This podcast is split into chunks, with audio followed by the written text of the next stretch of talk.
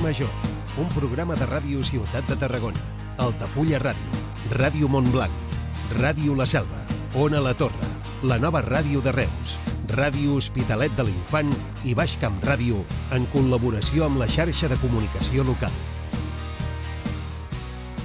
Hola, bon dia, bona tarda, benvinguts a Carrer Major, el programa de les vuit emissores eh, del Camp de Tarragona que ens hem arreplegat per fer aquesta producció conjunta. Ja fa cinc anys o així, aproximadament, que estem en dansa. De fet, avui fem el programa 1151. Ja són molts programes junts. I avui amb una actualitat eh, marcada per eh, el document d'acusació que ha fet públic la Fiscalia de Tarragona que demana 11 anys de presó per a cadascun dels tres directius d'ICOXE en el moment de l'accident eh, d'ara fa ben bé 4 anys. Tots tres estan encausats per l'explosió que hi va haver en aquesta fàbrica de la Canonja i que va comportar, recordem-ho, la mort de tres persones. Dos eren treballadors a la mateixa fàbrica i un tercer, un veí de Torreforta, eh, que estava a casa seva en el moment de l'explosió i va rebre l'impacte d'una de part de la metralla que va sortir disparada arran de l'explosió. Mm, una, una placa, una planxa enorme de metall que es va desplaçar per l'aire amb més de 3 quilòmetres. Imagineu l'impacte de l'explosió. Doncs el Ministeri Públic considera que la química incomplia les mesures de seguretat i els drets dels treballadors. L'agència de notícies ha tingut accés a l'escrit d'acusació de la Fiscalia. La petició de pena més elevada són 6 anys de presó per un delicte d'homicidi imprudent. A banda, el Ministeri Fiscal també demana una compensació econòmica de 900.000 euros per estralls i condicions inadequades de seguretat i també 4 anys d'intervenció judicial. Això en el cas de l'empresa. És avui la nostra notícia de portada, eh, però n'hi haurà altres qüestions que també marquen l'actualitat i a nivell més general, mentre Sembla que les eh, negociacions eh, per tancar l'acord de govern a Madrid eh, continuen avançant a bon ritme i eh, sobre la taula hi ha la qüestió de l'amnistia, doncs avui ens hem trobat que l'Audiència Nacional ha acordat l'obertura de judici oral contra 12 CDRs de l'operació Judes per terrorisme. A banda de tot això, que sapigueu que a Catalunya ja som més de 8 milions d'habitants. I dit això, doncs, eh, comencem el programa. Som, com dèiem, Carrer Major, el programa que fem 8 emissores del Camp de Tarragona i en ell treballem una gentada. Liri Rodríguez, l'Alix Pérez, en David Fernández, la Gemma Bufies, en Miquel Llevaria, l'Adrià Requesens, en Jonai González, en Pau Carbalan, l'Antoni Mellado, Antoni Mateos jo mateixa, que sóc l'Anna Plaça, que us acompanyo en aquesta primera hora. A mi estarà també l'Adrià Tella fent informatiu i el Iago Moreno, que el tenim al control tècnic. Comencem.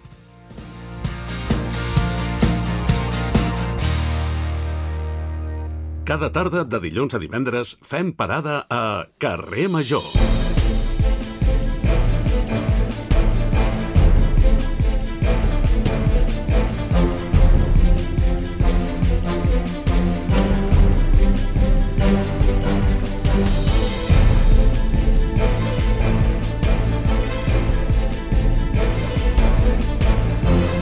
Les 4 i 7 minuts, moment de repassar en forma de titulars les notícies més destacades del dia al Camp de Tarragona. Ho fem, el presentàvem ara fa un momentet l'Adrià Tella. Adri, bona tarda. Molt bona tarda, Anna.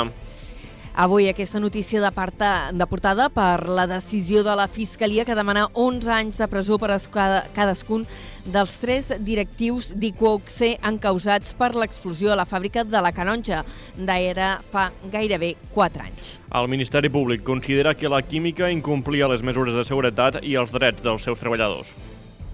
La taxa de l'atur ha crescut gairebé un 1,8% al Camp de Tarragona i les Terres de l'Ebre aquest mes d'octubre. Això es tradueix en 700 persones aturades més al territori i el còmput global és d'unes 40.100. En comparació amb l'any passat, això sí, la situació ha millorat. El nombre de desocupats ha baixat un 2,8% si el comparem amb el mateix mes de l'any 2022. La multinacional tecnològica alemanya T-Systems té previst agrupar la seva activitat actual a les instal·lacions de Redesa tant Redesa Tecno com Redesa BB a Reus. La previsió és créixer en instal·lacions i treballadors, passant dels 1.000 metres quadrats actuals a 1.300 i de 400 a 500 professionals. Mentrestant, a Montroig del Camp, un grup de veïns s'han organitzat en contra de la instal·lació de la fàbrica de Lotte Energy Materials, on es produiran components per a bateries elèctriques. La plataforma Defensa Montroig ja ha presentat al·legacions i demana més transparència a l'Ajuntament. I parlant de política, d'aquest acord que es, a veure si arriba o no arriba eh, per constituir govern a l'estat espanyol, demà dissabte els militants socialistes del Camp de Tarragona estan convocats a la consulta que s'ha convocat per validar o no el pacte amb Sumar i altres partits que ha de permetre l'investidura de Pedro Sánchez. I la votació es podrà fer via presencial a les seus socialistes de les agrupacions d'arreu del territori tarragoní. L'alcalde de Tarragona, Rubén Viñuales, al, al costat de l'alcaldessa de Reus, Sandra Guaita, continuen fent passos endavant per impulsar la creació de l'àrea metropolitana del Camp de Tarragona. S'han trobat aquest dijous amb el delegat del govern a Tarragona, Àngel Xifré, per compartir els seus punts de vista sobre el projecte. Pendents encara del temps, eh, Protecció Civil manté activada l'alerta del Pla Especial d'Emergències per risc de vent, el Ventcat, durant tot el cap de setmana. I precisament en aquest sentit, a Tarragona, un arbre ha caigut aquest migdia a causa del vent a l'Imperial Tarracó i ha obligat a tallar la circulació, això sí, sense causar ferits. En futbol, el Nàstic de Tarragona juga aquest diumenge al camp de l'Ossassuna Promeses. Serà a partir de les 8 del vespre i els tarragonins buscaran trencar la mala dinàmica de resultats amb la qual arriben al xoc. I també en cultura acabarem destacant que serà un cap de setmana intens teatralment eh, parlant. Uh, demà a Reus hi haurà en Pere Arquilloé i a Tarragona aquest cap de setmana hi tindrem en Joan Pere i l'Emma Vilarassau. Uh, Adri, dit això, ens uh, tornem a saludar aquí mitja horeta quan fem l'informatiu sencer. Perfecte, Anna, fins ara. Fins ara.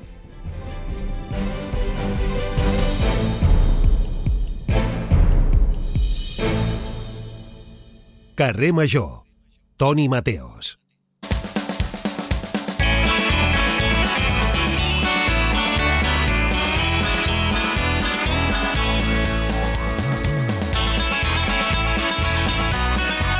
Mateos, Plaça.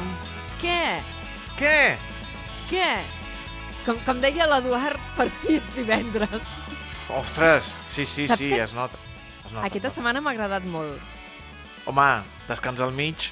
Això ho hauríem d'institucionalitzar. Sí, eh? A banda de allò, en, en l'acord, en l'acord allò de traspàs de rodalies. No cal, que sigui festa un dia al meitat de setmana.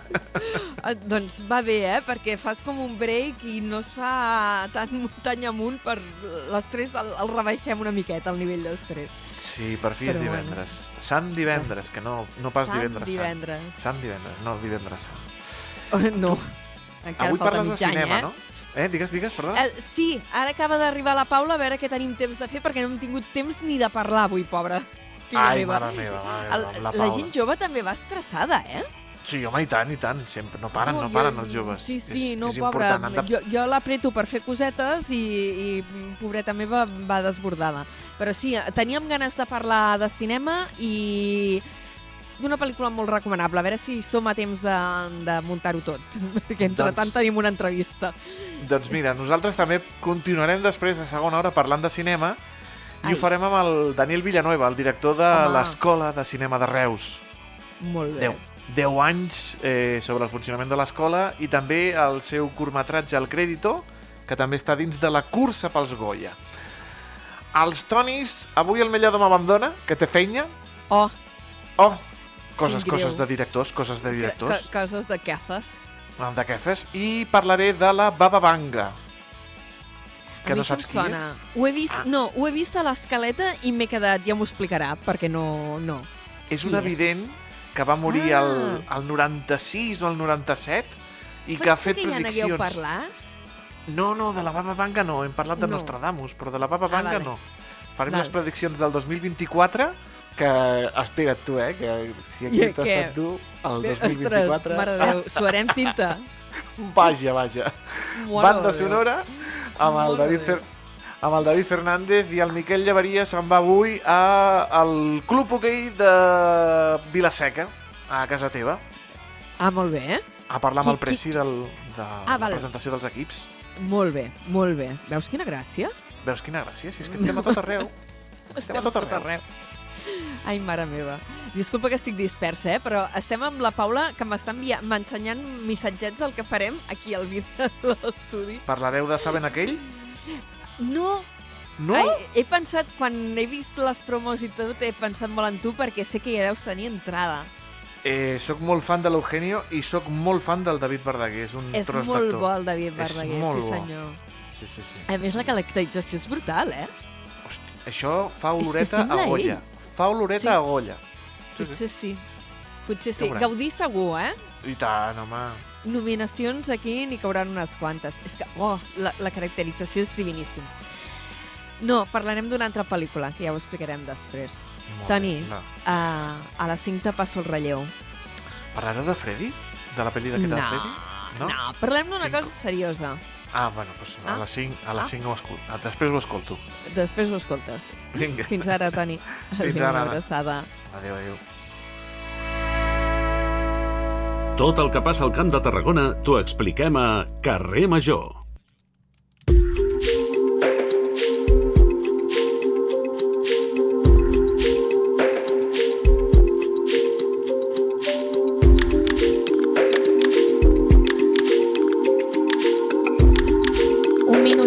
Serà un quart de cinc de la tarda i el que no havíem dit encara és qui entrevistarem en aquesta primera hora del programa. A qui hem convidat avui és en Josep Maria Vidal, l'alcalde de l'Espluga de Francolí, que ens acompanya a través de videotrucada, de videoconferència. Eh, senyor Vidal, alcalde, bona tarda. Hola, molt bona tarda. Eh, teníem ganes de parlar amb vostè. De fet, ja era un tema que teníem pensat eh, feia uns dies eh, per parlar de la situació de l'aigua, però aprofitem justament avui perquè ahir anunciàveu que finalment hi ha el projecte per connectar l'Espluga amb, amb la xarxa del Consorci d'Aigües de Tarragona, amb la xarxa del CAT, que és la que transporta el mini transvasament de l'Ebre. És a dir, que l'any vinent, almenys això us el que us han assegurat, tindreu aigua de l'Ebre i podreu estar més tranquils.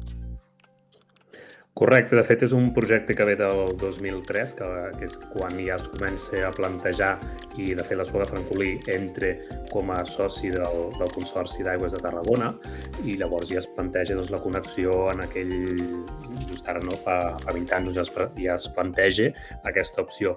Uh, aquesta opció doncs, fins al 2019 no s'acaba de, de posar en marxa uh, i de fet es van començar els tràmits quan nosaltres entrem doncs, en el mandat anterior entrem a l'Ajuntament, comencem els tràmits per, per gestionar-ho, perquè evidentment doncs, eh, a mesura que passen els anys doncs, el tema del canvi climàtic és, eh, es va agreujant no? i per tant doncs, eh, creiem important doncs, desencallar aquest projecte. Ja vam intentar a licitar aquest projecte el 2021, però a resultes de la guerra d'Ucraïna doncs, va quedar desert a causa de l'increment de preus i, per tant, vam haver d'actualitzar els preus, vam haver de refer el projecte, buscar de nou les subvencions i, per tant, clar, hi havia un increment del 70% del, del pressupost que això requeria doncs, fer un altre tipus de d'acord de finançament no? a través de subvencions i que és el que vam presentar ahir a la Diputació de Tarragona. Eh, Com és que s'ha tardat eh, tants anys? Eh, Si s'havia plantejat per primera vegada el 2003, estem parlant de 20 anys i de necessitats d'aigua a l'Espluga fa temps que en teniu.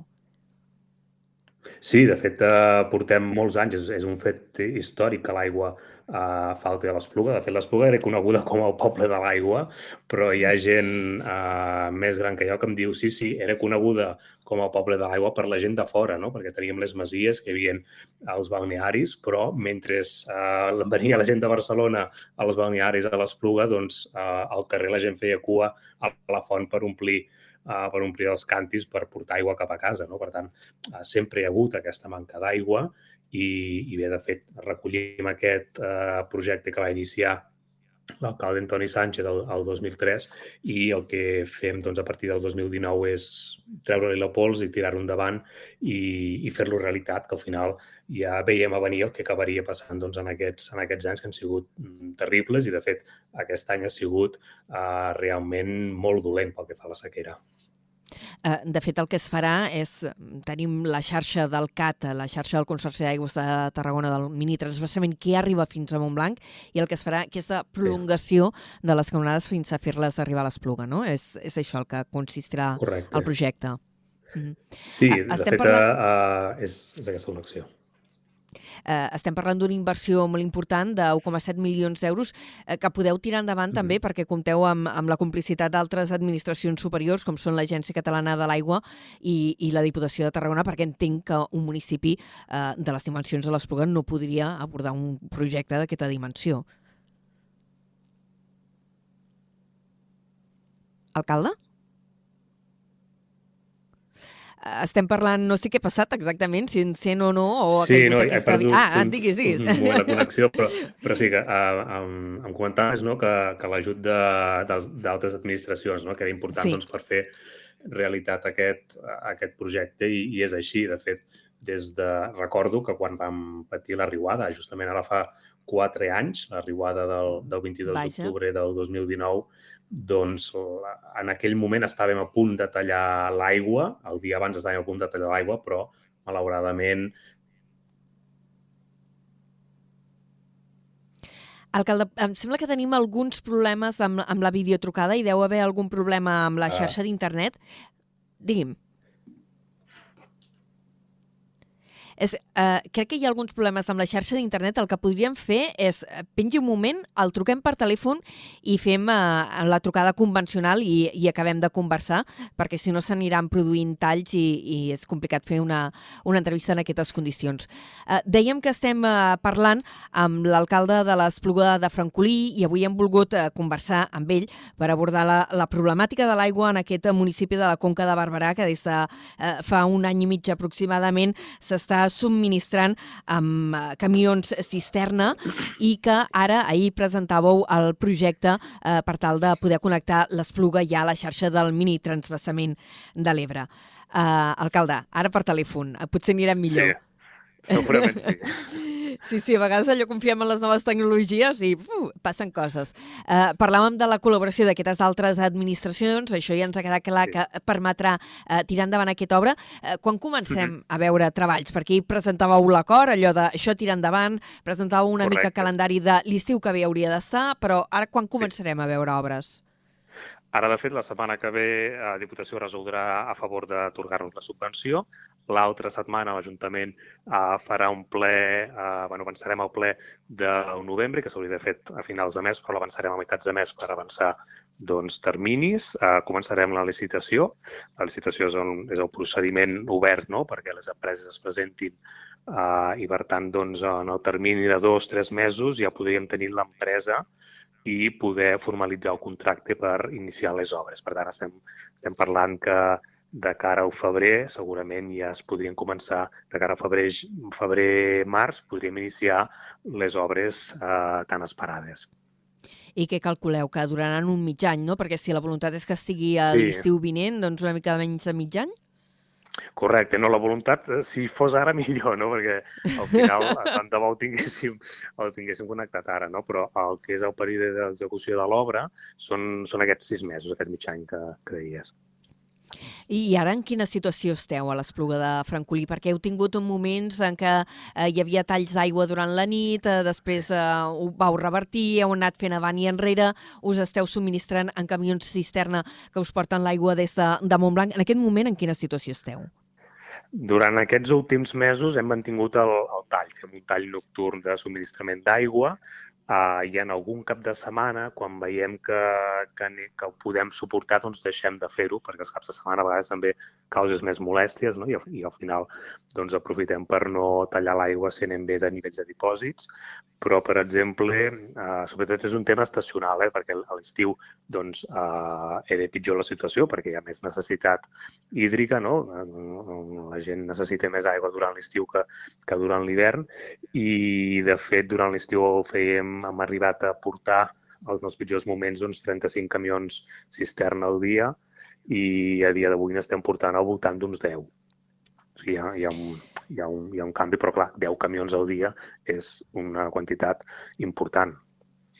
Una aigua que a més s'ha de pagar. Com es paga això, alcalde? De moment ho paguem amb els diners propis de l'Ajuntament, però clar, uh, arriba un moment que aquesta despesa no es pot suportar perquè portem uh, gairebé mig milió d'euros i al final estem deixant de fer moltes coses, estem deixant de...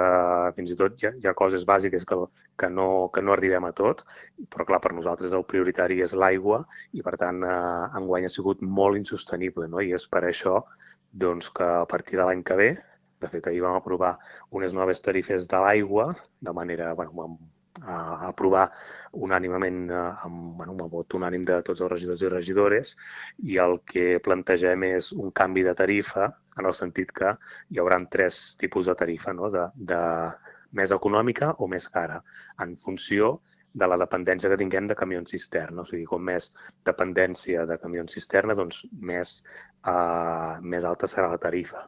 La tarifa l'hem estructurat per uns percentatges que els consums més baixos, que és la majoria de famílies, doncs no notaran cap tipus de, de recàrrec, però a mesura que anem saltant de trams i els comptadors doncs, uh, compten més metres cúbics, doncs es van incrementant de manera exponencial. No? Els trams més elevats eh, poden arribar a pagar el doble de preu d'aigua eh, en el cas que haguem de portar eh, aigua amb camió cisterna. No? Hem plantejat aquest sistema de copagament perquè al final d'aquesta aigua doncs, una tercera part ho paguem amb subvenció de l'ACA i de Diputació, una tercera part l'Ajuntament i una tercera part ho sufragaríem amb, amb, amb els preus de la tarifa.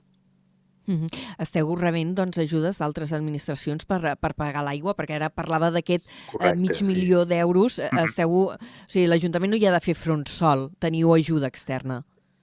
Correcte, però tot així és, és insostenible, o sigui, no, no podem estar tant de temps portant aigua. I podem portar aigua una setmana, un, un mes com a molt, no? però s'està fent una situació molt, molt feixuga, no només per la ciutadania, no? per les molèsties que això genera, sinó també per les arques municipals, que això s'acaba eh, bueno, ressentint. No? I, aquests, I altres projectes s'han quedat enrere i això també provoca doncs, una situació delicada en, en, en el tema de les arques de l'Ajuntament.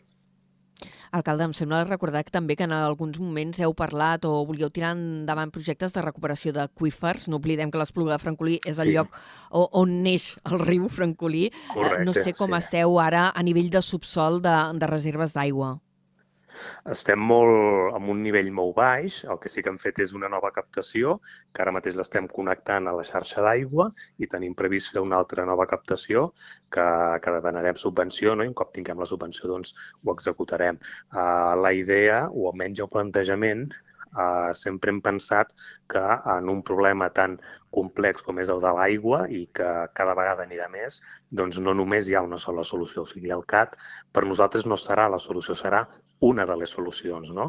la més important segurament. I per tant hem fet altres actuacions com és la millora de la xarxa, o sigui, tenim una xarxa que, que a nivell de rendiment eh, eh, pot millorar molt i per tant el que hem fet és, bueno, a dia d'avui ja estem, ja estem executant unes obres que estem canviant 4 quilòmetres de xarxa d'aigua uh, perquè de fet estava en molt mal estat i era on teníem més fuites. No? Per tant, uh, hi ha un tema d'actualització de la xarxa, tenim uns cinc projectes de digitalització, desactualització, de modernització de la xarxa, per tant, és un canvi important, no només hi ha el CAT, sinó que hi ha diferents canvis en, en el sistema de, el sistema diguem d'abastament d'aigua i a més a més eh, hi ha el tema tarifari no, que hem comentat abans i també ordenances noves. Hem fet una ordenança doncs, que el dia d'avui doncs, tota nova construcció que es faci a l'Espluga o gran reforma doncs, ha d'incloure un sistema d'estalvi d'aigua. No? Això ja serà, ja veurem els resultats més a llarg termini, però sí que un problema tan complex com el de l'aigua no té una sola solució i s'ha de canviar doncs, el sistema d'abastament d'aigua i tirar cap a un sistema molt més sostenible i que el CAT, en tot cas, doncs, sigui només per moments puntuals per abastir-nos en allò en, en quan no aconseguim o no tinguem prou capacitat amb els nostres pous, no? que de fet n'estem incrementant per poder tenir més independència a nivell d'abastament d'aigua. Alcalde, ara parlava de les tarifes del nou model tarifari eh, amb tres trams sí. diferenciats eh, que s'aplicaran en funció mm. de la situació de disponibilitat de més o menys aigua. Correcte, Això sí. passava eh, per ple ahir, en què s'aprovaven ordenances fiscals. Eh, sí. Com altres ajuntaments, heu apujat l'IBI. En aquest cas, en un 11%, sí. també heu apujat la brossa en un 5%. Actualització sí. de, de preus que estem veient en la majoria de consistoris del territori. Sí, de fet, uh, molts consistoris vam optar durant el període del Covid, que, va, que sí que van ser dos anys i poc, però van implicar a tres anys, diguem, tres anys comptables, per entendre'ns, el, el 20, 21 i 22, Uh, bueno, anem, sí, 20, 21 i 22, doncs clar, es va optar per, per congelar les, les tarifes de tot i això que va, bueno, perquè al final vam creure oportú, no? molts ajuntaments que no havíem de repercutir eh, la crisi del Covid a la ciutadania i que sort que ho vam fer, no? perquè al final no vam eh, presionar fiscalment llavors però ara estem en una situació diferent, estem en una situació que degut a haver congelat doncs, tres, tres anys consecutius els impostos, doncs hem perdut eh, pistonada per, per recuperar, diguem, ingressos, per, per tenir més ingressos, perquè al, al final el cost de la vida també també ho pateixen els ajuntaments, no? que és on gestionem els diners de tothom i els serveis de tothom. I per tant el que s'havia de fer era això, no? una actualització de preus en funció de l'IPC i algun canvi d'algunes tarifes. Mm -hmm. eh, li anava a preguntar per dos temes al marge de tot això que estem parlant, que sí. gairebé no tenim temps ja, eh, però mm. esteu inquiets eh, per macroprojectes eh, de producció i transport d'energia que afecten eh, el vostre municipi. D'una banda, hi ha una macro eh, central fotovoltaica eh, prevista sí. entre la Conca de Barberà i l'Urgell. Eh, una de les eh, eh, subestacions ha d'anar a l'Espluga de Francolí. No sé com està aquest eh, projecte i si vau presentar al·legacions en el seu moment, em sembla recordar.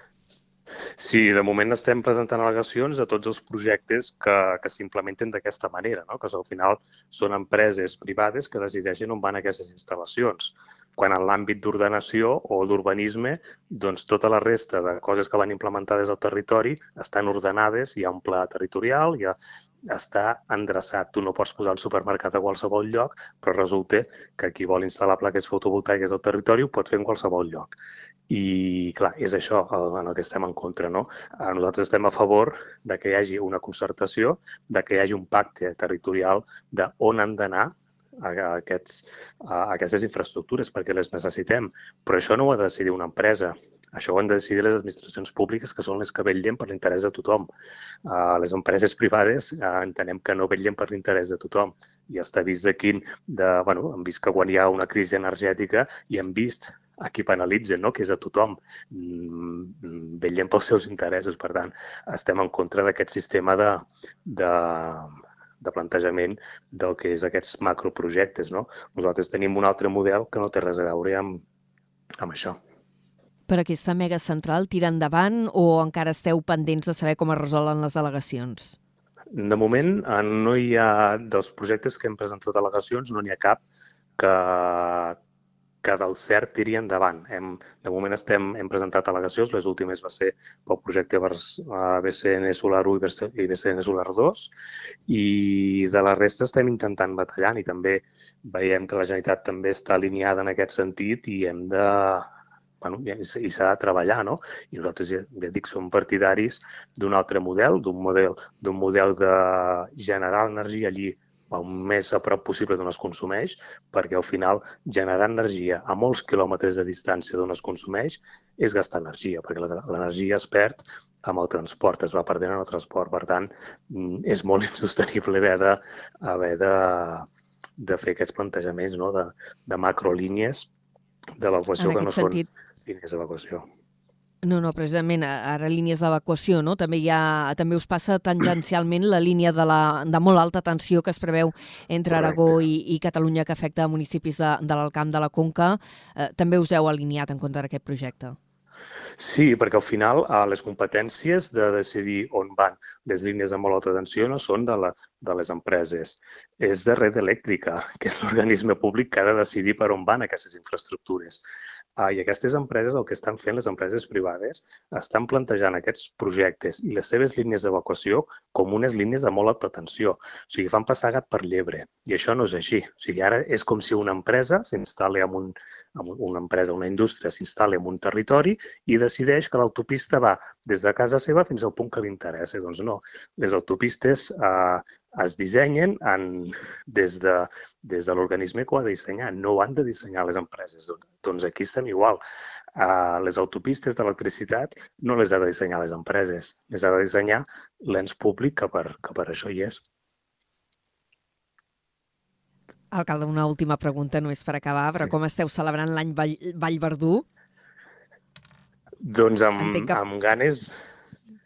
Sí, sí, dic, amb ganes d'aquest diumenge. De fet, tenim, tenim l'últim acte que farem a l'Espluga, que és la presentació uh, d'un recull d'articles del mateix Josep Vallverdú, que va fer el, a la revista Francolí, i de fet tenim ganes de veure no? per, per tornar a, a compartir amb ell una estona al moment de celebració i, i amb ganes, amb ganes, perquè el Josep Vallverdú és una persona molt estimada a l'Espluga i, de fet, ja han fet algun altre acte no? durant aquests, aquest any Vallverdú i, per tant, amb ganes de que diumenge tornar-lo a veure i tornar a compartir aquesta publicació que creiem que és, que és del tot interessant uh, per l'Espluga Francolí.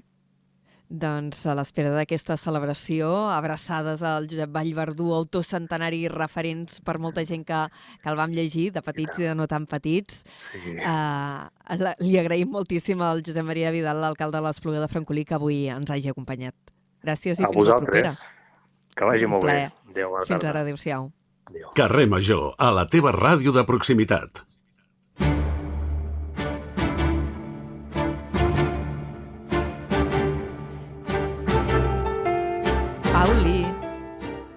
Què et sembla, eh? Ja t'he canviat la sintonia. Hem posat una cosa una mica més èpica. Si no et pujo el micro no, em sen no ens sentirem. No, però jo t'estava sentint. M'agrada molt aquesta sintonia que m'has posat. Ja sabia que t'agradaria. doncs, Què? avui us he sentit, us he sentit sí? parlar de Sabanakell, també tinc moltes ganes de veure-la, però no l'he vist, així que no en puc parlar. Però ja en parlarem. Sí. Hem de quedar per anar-la a veure, Paula, sí. ja farem un algo. Eh, que Saben aquell està juntament amb la pel·lícula de la que parlarem avui com a candidata a millor pel·lícula del 2024 pels Premis Gaudí. Veus? Nominacions. Ja ho deia jo, que hi hauria nominacions aquí. Sí, sí. Però em dic que la, la que ens proposes avui és Dramont, eh? Sí, avui és una altra. Avui parlem d'un cel de plom de Miquel Romans que adapta la tercera part del llibre Un cel de plom de Carme Martí que parla de la vida de Neus Català. O sigui, parla de la seva estada, una dona jove, republicana, feminista, que als anys 40 va anar a un camp de concentració, o sigui, bueno, la, la van obligar a un camp de concentració a Txecoslovàquia per treballar en una fàbrica de bales amb altres dones catalanes. Uh, dona, per cert, d'aquí al territori dels Guiamets, eh? Ara sí. mirava el poble que no me'n recordava del cert, dic, no sé si eren els guiridills que hi ha, dels Guiamets. Sí, sí. Has tingut oportunitat de veure-la ja o...? Sí, la vaig veure al juny al FitCat, que la van estrenar allà. És veritat? I després, ara, ahir a la, a la tarda la vaig veure, que està a um, Filmin per llogar, i també la podeu llogar a Movistar Plus, i em sembla que si busqueu a YouTube també la podeu llogar, Uh -huh. uh, et va semblar tan emocionant uh, com és la, la història de la Neus Català o creus que encara hi hauríem pogut treure més, més profit? Ostres, doncs crec que, clar, el tema és molt dramàtic, s'han volgut centrar molt en la vida d'ella, de, no? en, en estar molt apagats al que és la realitat, perquè també els hi passaven els guions a la família perquè la poguessin llegir, que això ens ho va explicar sí. el, el Miquel al FitCat, i, i clar, és una cosa amb una càrrega dramàtica molt gran, però també té una part molt guai, que és que ella deia, o sigui, la, la filla comentava que la sa mare sempre deia, la Neus Català, que dintre del camp és on més havia rigut. Ostres! I llavors, clar, això, clar, quan veus la pel·lícula dius, ara ho entenc, perquè clar, ella quan està dintre eh, el que fa és amb la resta de, de dones intentar sabotejar la fàbrica, perquè per elles, clar, si la producció era, de, si era una producció d'armament, produïen mm -hmm. bales, Llavors era, si d'aquí surten 10.000 ba- 10.000 bales, són 10.000 bales que van en contra dels nostres.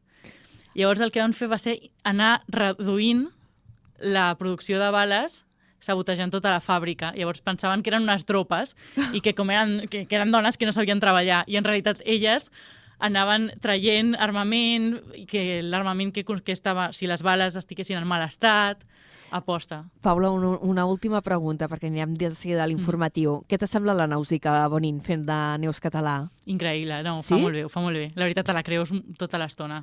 És que jo, quan vaig saber que ho faria ella, com que la veig una actriu tan... Bueno, jove, és més jove que jo, i és una tia que li, sempre l'he vist en rols molt urbans, me va grinyolar una mica. A tu t'ha agradat? Està, està molt bé, està molt bé. Sí, jo també tenia la seva... O sigui, per mi era la lesbiana de cites, eh? I clar, ja, de sobte és com... Ui, però molt bé, molt bé. Però això és un rol molt diferent. Uh, Paula Espel, moltes gràcies per acompanyar-nos, per haver-nos fet aquesta pinzellada de cinema. Ens tornem a escoltar divendres vinent. Si em permets, faig la falqueta de publicitat, perquè dem- demà Digues. tindrem el Miquel Romans, el No som ningú, Ah, molt bé. aquí a la sintonia de la Torre a les 7, així que podrem parlar amb ell una horeta. Així que si voleu, ho podeu Doncs escoltar. vinga, fa el cafeta. Fins després, Paula. Adéu. Carrer Major, al Camp de Tarragona, des de ben a prop. 6 i 38 minuts, eh, tenim poc temps i l'actualitat bé carregada. Adri Tilla, bona tarda de nou. Bona tarda, Anna. Avui la notícia destacada del dia aquí al nostre territori és que la Fiscalia demana 11 anys de presó per a cadascun dels tres directius d'Icoxe encausats per l'explosió a la fàbrica de la Canonja d'ara fa gairebé 4 anys. El Ministeri Públic considera que la química incomplia les mesures de seguretat i els drets dels treballadors. L'accident es va produir per l'explosió d'un reactor. Van morir dos treballadors de la planta i també un veí de Torreforta, a més de 3 quilòmetres del lloc de l'accident. L'Agència Catalana de Notícies va tenir accés a l'escrit d'acusació de la Fiscalia. La petició de pena més elevada són 6 anys de presó per un delicte d'homicidi imprudent. També es demanen 3 anys per un delicte de funcionament en condicions inadequades de seguretat i 2 anys més per un delicte contra els drets dels treballadors. Finalment, el Ministeri Fiscal sol·licita per l'empresa, com a persona jurídica, 900.000 euros de multa per estralls i condicions inadequades de seguretat i 4 anys més d'intervenció judicial.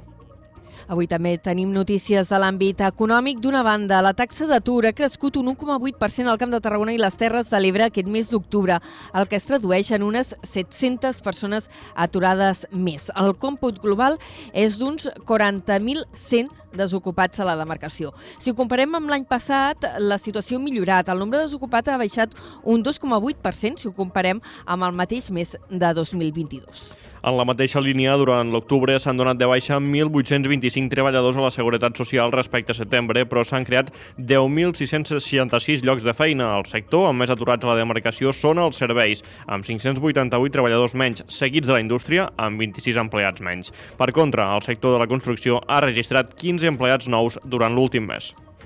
I parlem ara d'una implantació eh, empresarial al territori. La multinacional tecnològica alemanya T-Systems té previst agrupar la seva activitat actual a Redesa, a Reus. La previsió és créixer en instal·lacions i treballadors, passant dels 1.000 metres quadrats actuals a 1.300 metres i de 400 a 500 professionals. Així ho ha afirmat l'empresa aquest mateix divendres. El trasllat serà possible gràcies a les obres d'adequació de l'edifici de Redesa Innovació que ha promogut l'Ajuntament de Reus a través de l'empresa municipal Redesa i que està previst que acabin a finals d'aquest any després d'invertir-hi uns 900.000 euros. Aquest edifici és el quart centre de negocis de l'empresa municipal que és la multinacional tecnològica més gran de la demarcació de Tarragona. Mentrestant, a Montroig del Camp, un grup de veïns s'han organitzat en contra de la instal·lació de la fàbrica de Lotte Energy Materials, on es preveuen produir components per fabricar bateries elèctriques. La plataforma Defensa Montroig hi ha presentat al·legacions i demana més transparència a l'Ajuntament. La plataforma ja compra amb una trentena d'adherits entre particulars i entitats. Avui divendres han presentat les al·legacions al conveni urbanístic que ha de permetre la instal·lació de l'empresa sud-coreana al municipi. Un dels fundadors de la plataforma, Joan Crespo, afirma que el projecte els desperta moltes suspicàcies. Temen que sigui contaminant i lamenten que l'Ajuntament hagi fet les modificacions urbanístiques sense tenir en compte l'opinió del poble. Nosaltres fer tota la pressió que ens sigui possible perquè entenem que és un projecte que no, no, no és beneficiós, uh, és un projecte contaminant, no sabem quina és la repercussió mediambiental que aquí hi haurà, uh, les modificacions del POM s'han fet sense tenir en compte la població, uh, a més a més no, no sabem exactament eh, clar, una de les preguntes que hi va haver el dia de la presentació és què passa si, si, si la- l'empresa Lotte no pot obtenir l'aigua del Consorci d'Aigües.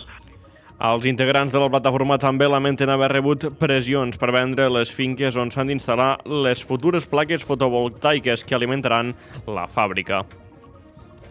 I uh, més uh, qüestions uh, referents a aquesta inversió uh, de Lot Energy Materials. Recordem com anava. La previsió és començar a construir la seva primera fàbrica de producció d'electrofoil, aquest component per fer bateries elèctriques a principis de l'any vinent, amb l'objectiu que la planta sigui operativa el 2025. D'entrada, volen posar en marxa una planta amb una inversió prevista de 400 milions d'euros i en funció de la demanda del mercat podrien fer-ne dues més, totes a la dels Comallarets, en 44 hectàrees d'uns terrenys a tocar de l'AP7.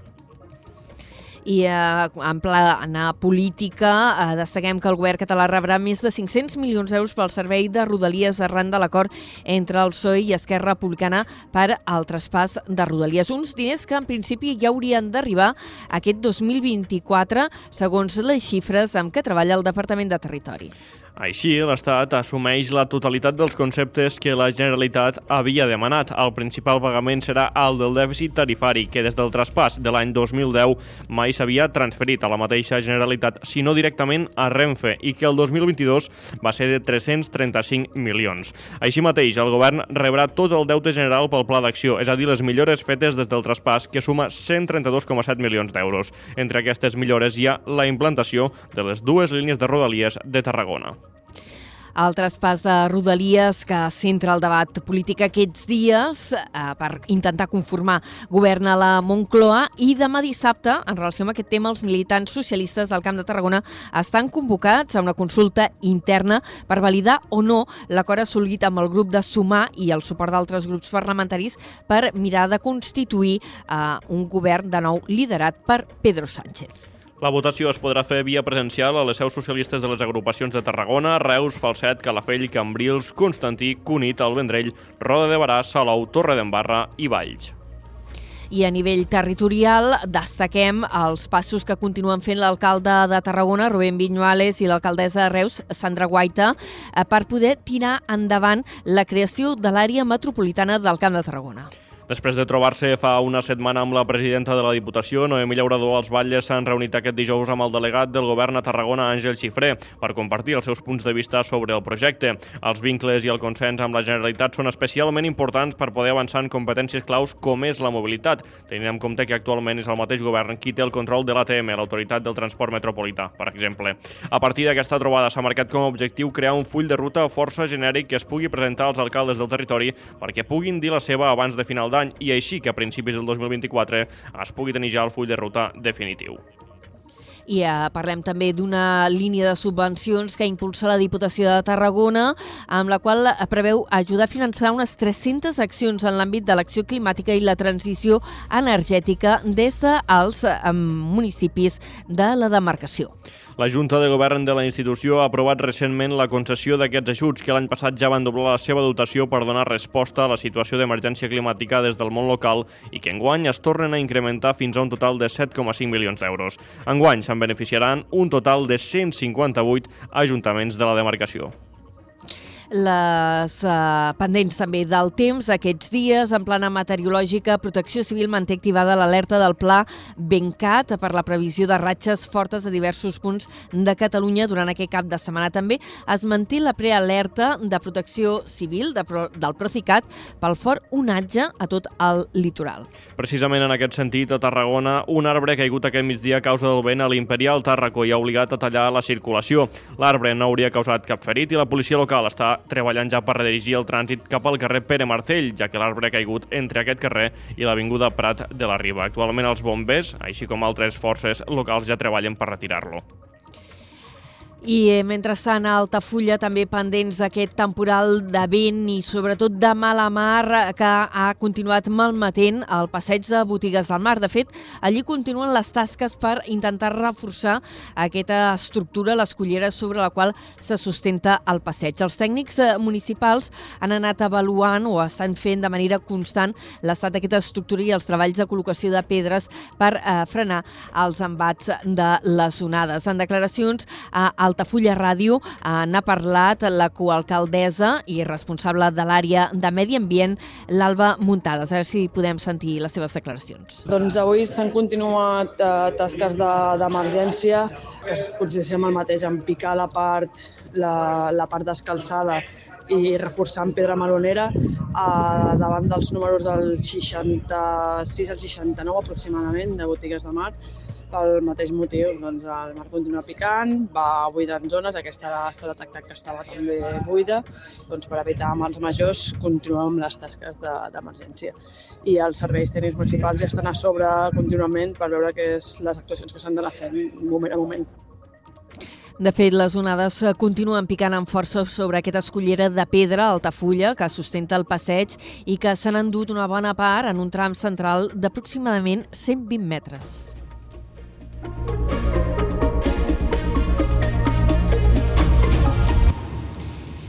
4 i 48 minuts, Reus acollirà la primera cursa urbana de patinets elèctrics de tot l'Estat.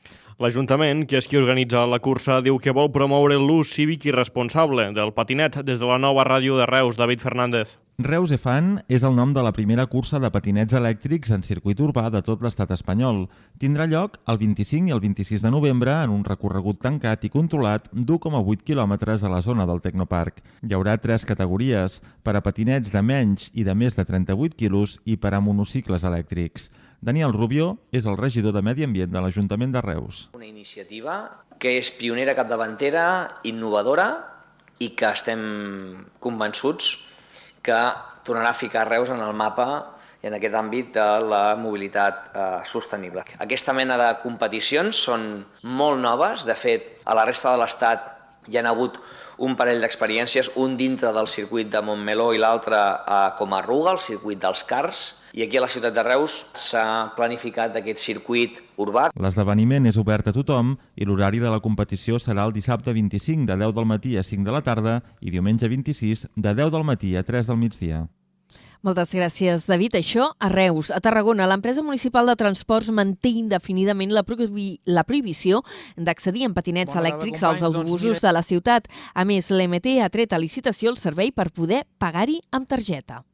Segons ha informat l'Ajuntament, els autobusos no s'hi podrà entrar en patinet ni amb qualsevol altre vehicle de mobilitat personal. Només hi estaran autoritzades les cadires elèctriques de persones amb mobilitat reduïda.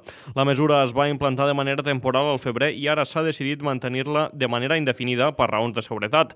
D'altra banda, com dèiem, l'EMT ha tret a licitació la implantació de datàfons per poder pagar amb targeta als autobusos municipals. La intenció és que el servei comenci a funcionar al mes de gener i més eh, qüestions també a Tarragona amb motiu de l'inici de les obres de renovació de la canonada d'abastament d'aigua a l'Avinguda Puig i Vals, eh, Puig, Puig i Valls, a l'entorn de la muntanyeta de l'Oliva, uns treballs que ha de dur a terme l'empresa d'aigües Ematsa. El pròxim dilluns, 6 de novembre, es tallarà el trànsit de vehicles, concretament l'accés directe que trobem a la carretera que va de Sant Pere i Sant Pau i cap al camí del cementiri. La duració de les obres es preveu d'uns 4 mesos aproximadament i és per aquest motiu que s'habilitarà un pas alternatiu per als veïns i veïnes de la zona a través de Tarragona 2, des de les Fonts de l'Oliva fins a l'escola PAX. La URB participa en un projecte per produir hidrogen renovable a partir de bioresidus. La universitat s'unirà al projecte Val2H2 des de Ràdio Ciutat de Tarragona, Adrià Duc. La Universitat Rovira i Virgili s'uneix a un nou projecte que té com a objectiu desenvolupar tecnologies que permetin l'aprofitament de residus de difícil gestió en forma d'hidrogen renovable. Es tracta d'un projecte coordinat per l'empresa Suriguer i finançat per la Comissió Europea amb els fons Next Generation. El projecte, on hi col·laboren fins a sis entitats, va començar el gener de 2023 i té una durada esperada de dos anys, durant els quals es mostraran tecnologies noves a escala de planta pilot, assajos de laboratori i simulacions en programari especialitzat. L'investigador del Departament d'Enginyeria Química de la URB, Francisco Medina, ha assegurat que aquesta recerca suposarà un avenç tecnològic en tota la cadena de valor de l'hidrogen, ja que estudiarà la producció d'hidrogen renovable a partir de bioresidus, la seva purificació, l'emmagatzematge i l'ús amb cel·les de combustible. El projecte disposarà de dos pilots innovadors de producció d'hidrogen que estudiaran pretractaments innovadors combinats amb tecnologies de gasificació i fermentació. Els residus utilitzats seran matèria orgànica i restes de poda procedent d'una planta de tractament de residus situada a Torre d'Embarra, on es construirà una de les plantes pilot.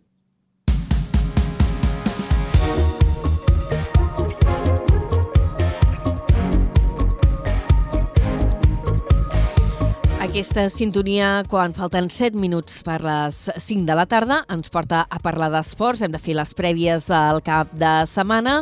En el cas del Nàstic, eh, trobarem eh, que aquest cap de setmana eh, té un partit destacat després d'algunes jornades una mica dificultoses en què eh, s'enfrontarà Uh, espera, he perdut... Estic, estic intentant dissimular, però he perdut el punt de la pàgina per on anàvem, eh? Soc sincera? No et preocupis, no et preocupis, Tornem Anna. enrere. Expliquem les coses com són. El Nàstic de Tarragona juga aquest diumenge al camp de l'Ossassuna Promeses. Així és, serà a partir de les 8 del vespre de diumenge i a més els tarragonins, com deies, buscaran trencar una mala dinàmica de resultats amb la qual arriben a aquest partit. Des de Ràdio Ciutat de Tarragona, de nou, Adrià Duc. Amb l'eliminació de la Copa del Rei encara recent i després del partit intersetmanal, els Grana viatgen a Pamplona amb l'esperança de treure els 3 punts i recuperar el camí de la victòria. El Nàstic arriba al partit de diumenge contra l'Ossassuna Promeses amb la necessitat de guanyar si volen mantenir-se en la part alta de la taula i de recuperar les bones sensacions i el bon joc de l'inici de Lliga. Des de la jornada 6 que els tarragonins no s'emporten els 3 punts d'un partit. L'equip rival ocuparà mateix la dotzena posició i està entrenat per Santi Castillejo, un vell conegut de l'afició grana que va defensar la samarreta del Nàstic durant dues temporades, aconseguint l'ascens a segona divisió A. Arriben també amb una imperiosa necessitat de guanyar, ja que dels últims 5 partits només han guanyat un i perdut els altres 4. El duel es disputarà diumenge el 5 de novembre a les 8 de la tarda en les instal·lacions del Tajonar, a Pamplona, i s'espera que grups d'aficionats tarragonins es desplacin a donar el seu suport a l'equip. El club ha organitzat un desplaçament per aficionats que amb 50 euros inclou el desplaçament en autobús i l'entrada al partit.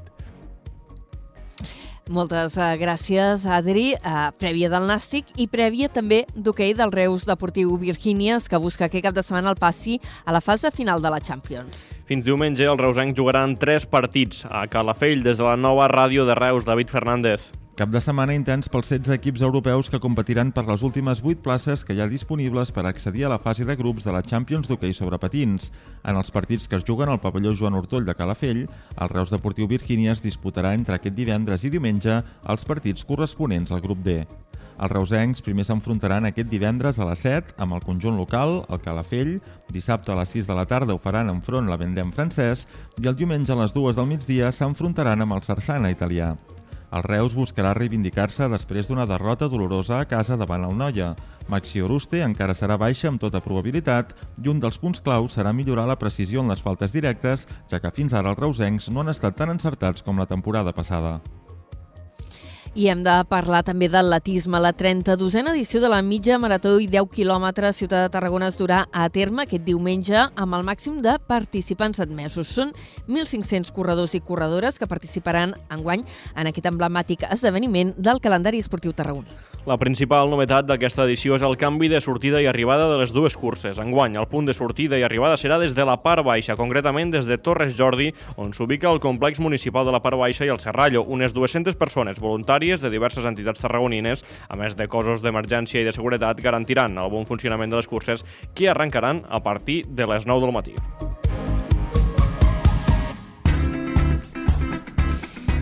I ens queda menys d'un minut eh, per parlar de cultura. Aquest cap de setmana ja hem dit abans eh, que seria molt teatral. Demà dissabte a les 8 al Teatre Bartrina i trobarem en Pere Arquilloé presentant el monòleg El cos més bonic que s'haurà trobat mai en aquest lloc pel qual Josep Maria eh, Miró va rebre el Premi Nacional de Dramatúrgia. Diumenge, l'Ali Simón amb Emma Vilarassau a les 6 de la tarda al Teatre Tarragona i també a Tarragona. Per això serà demà dissabte a les 9 del vespre a la Tarraco Arena. Júnior, la darrera comèdia protagonitzada per Joan Pera i en aquest cas dirigida per Joel Joan. També tenim música amb Fito Luri, que avui presenta Pòrtia a dos quarts de nou al Teatre Bartrina. Dit això, tanquem aquesta primera hora del programa. Ara, al Toni Mateus. Fins després.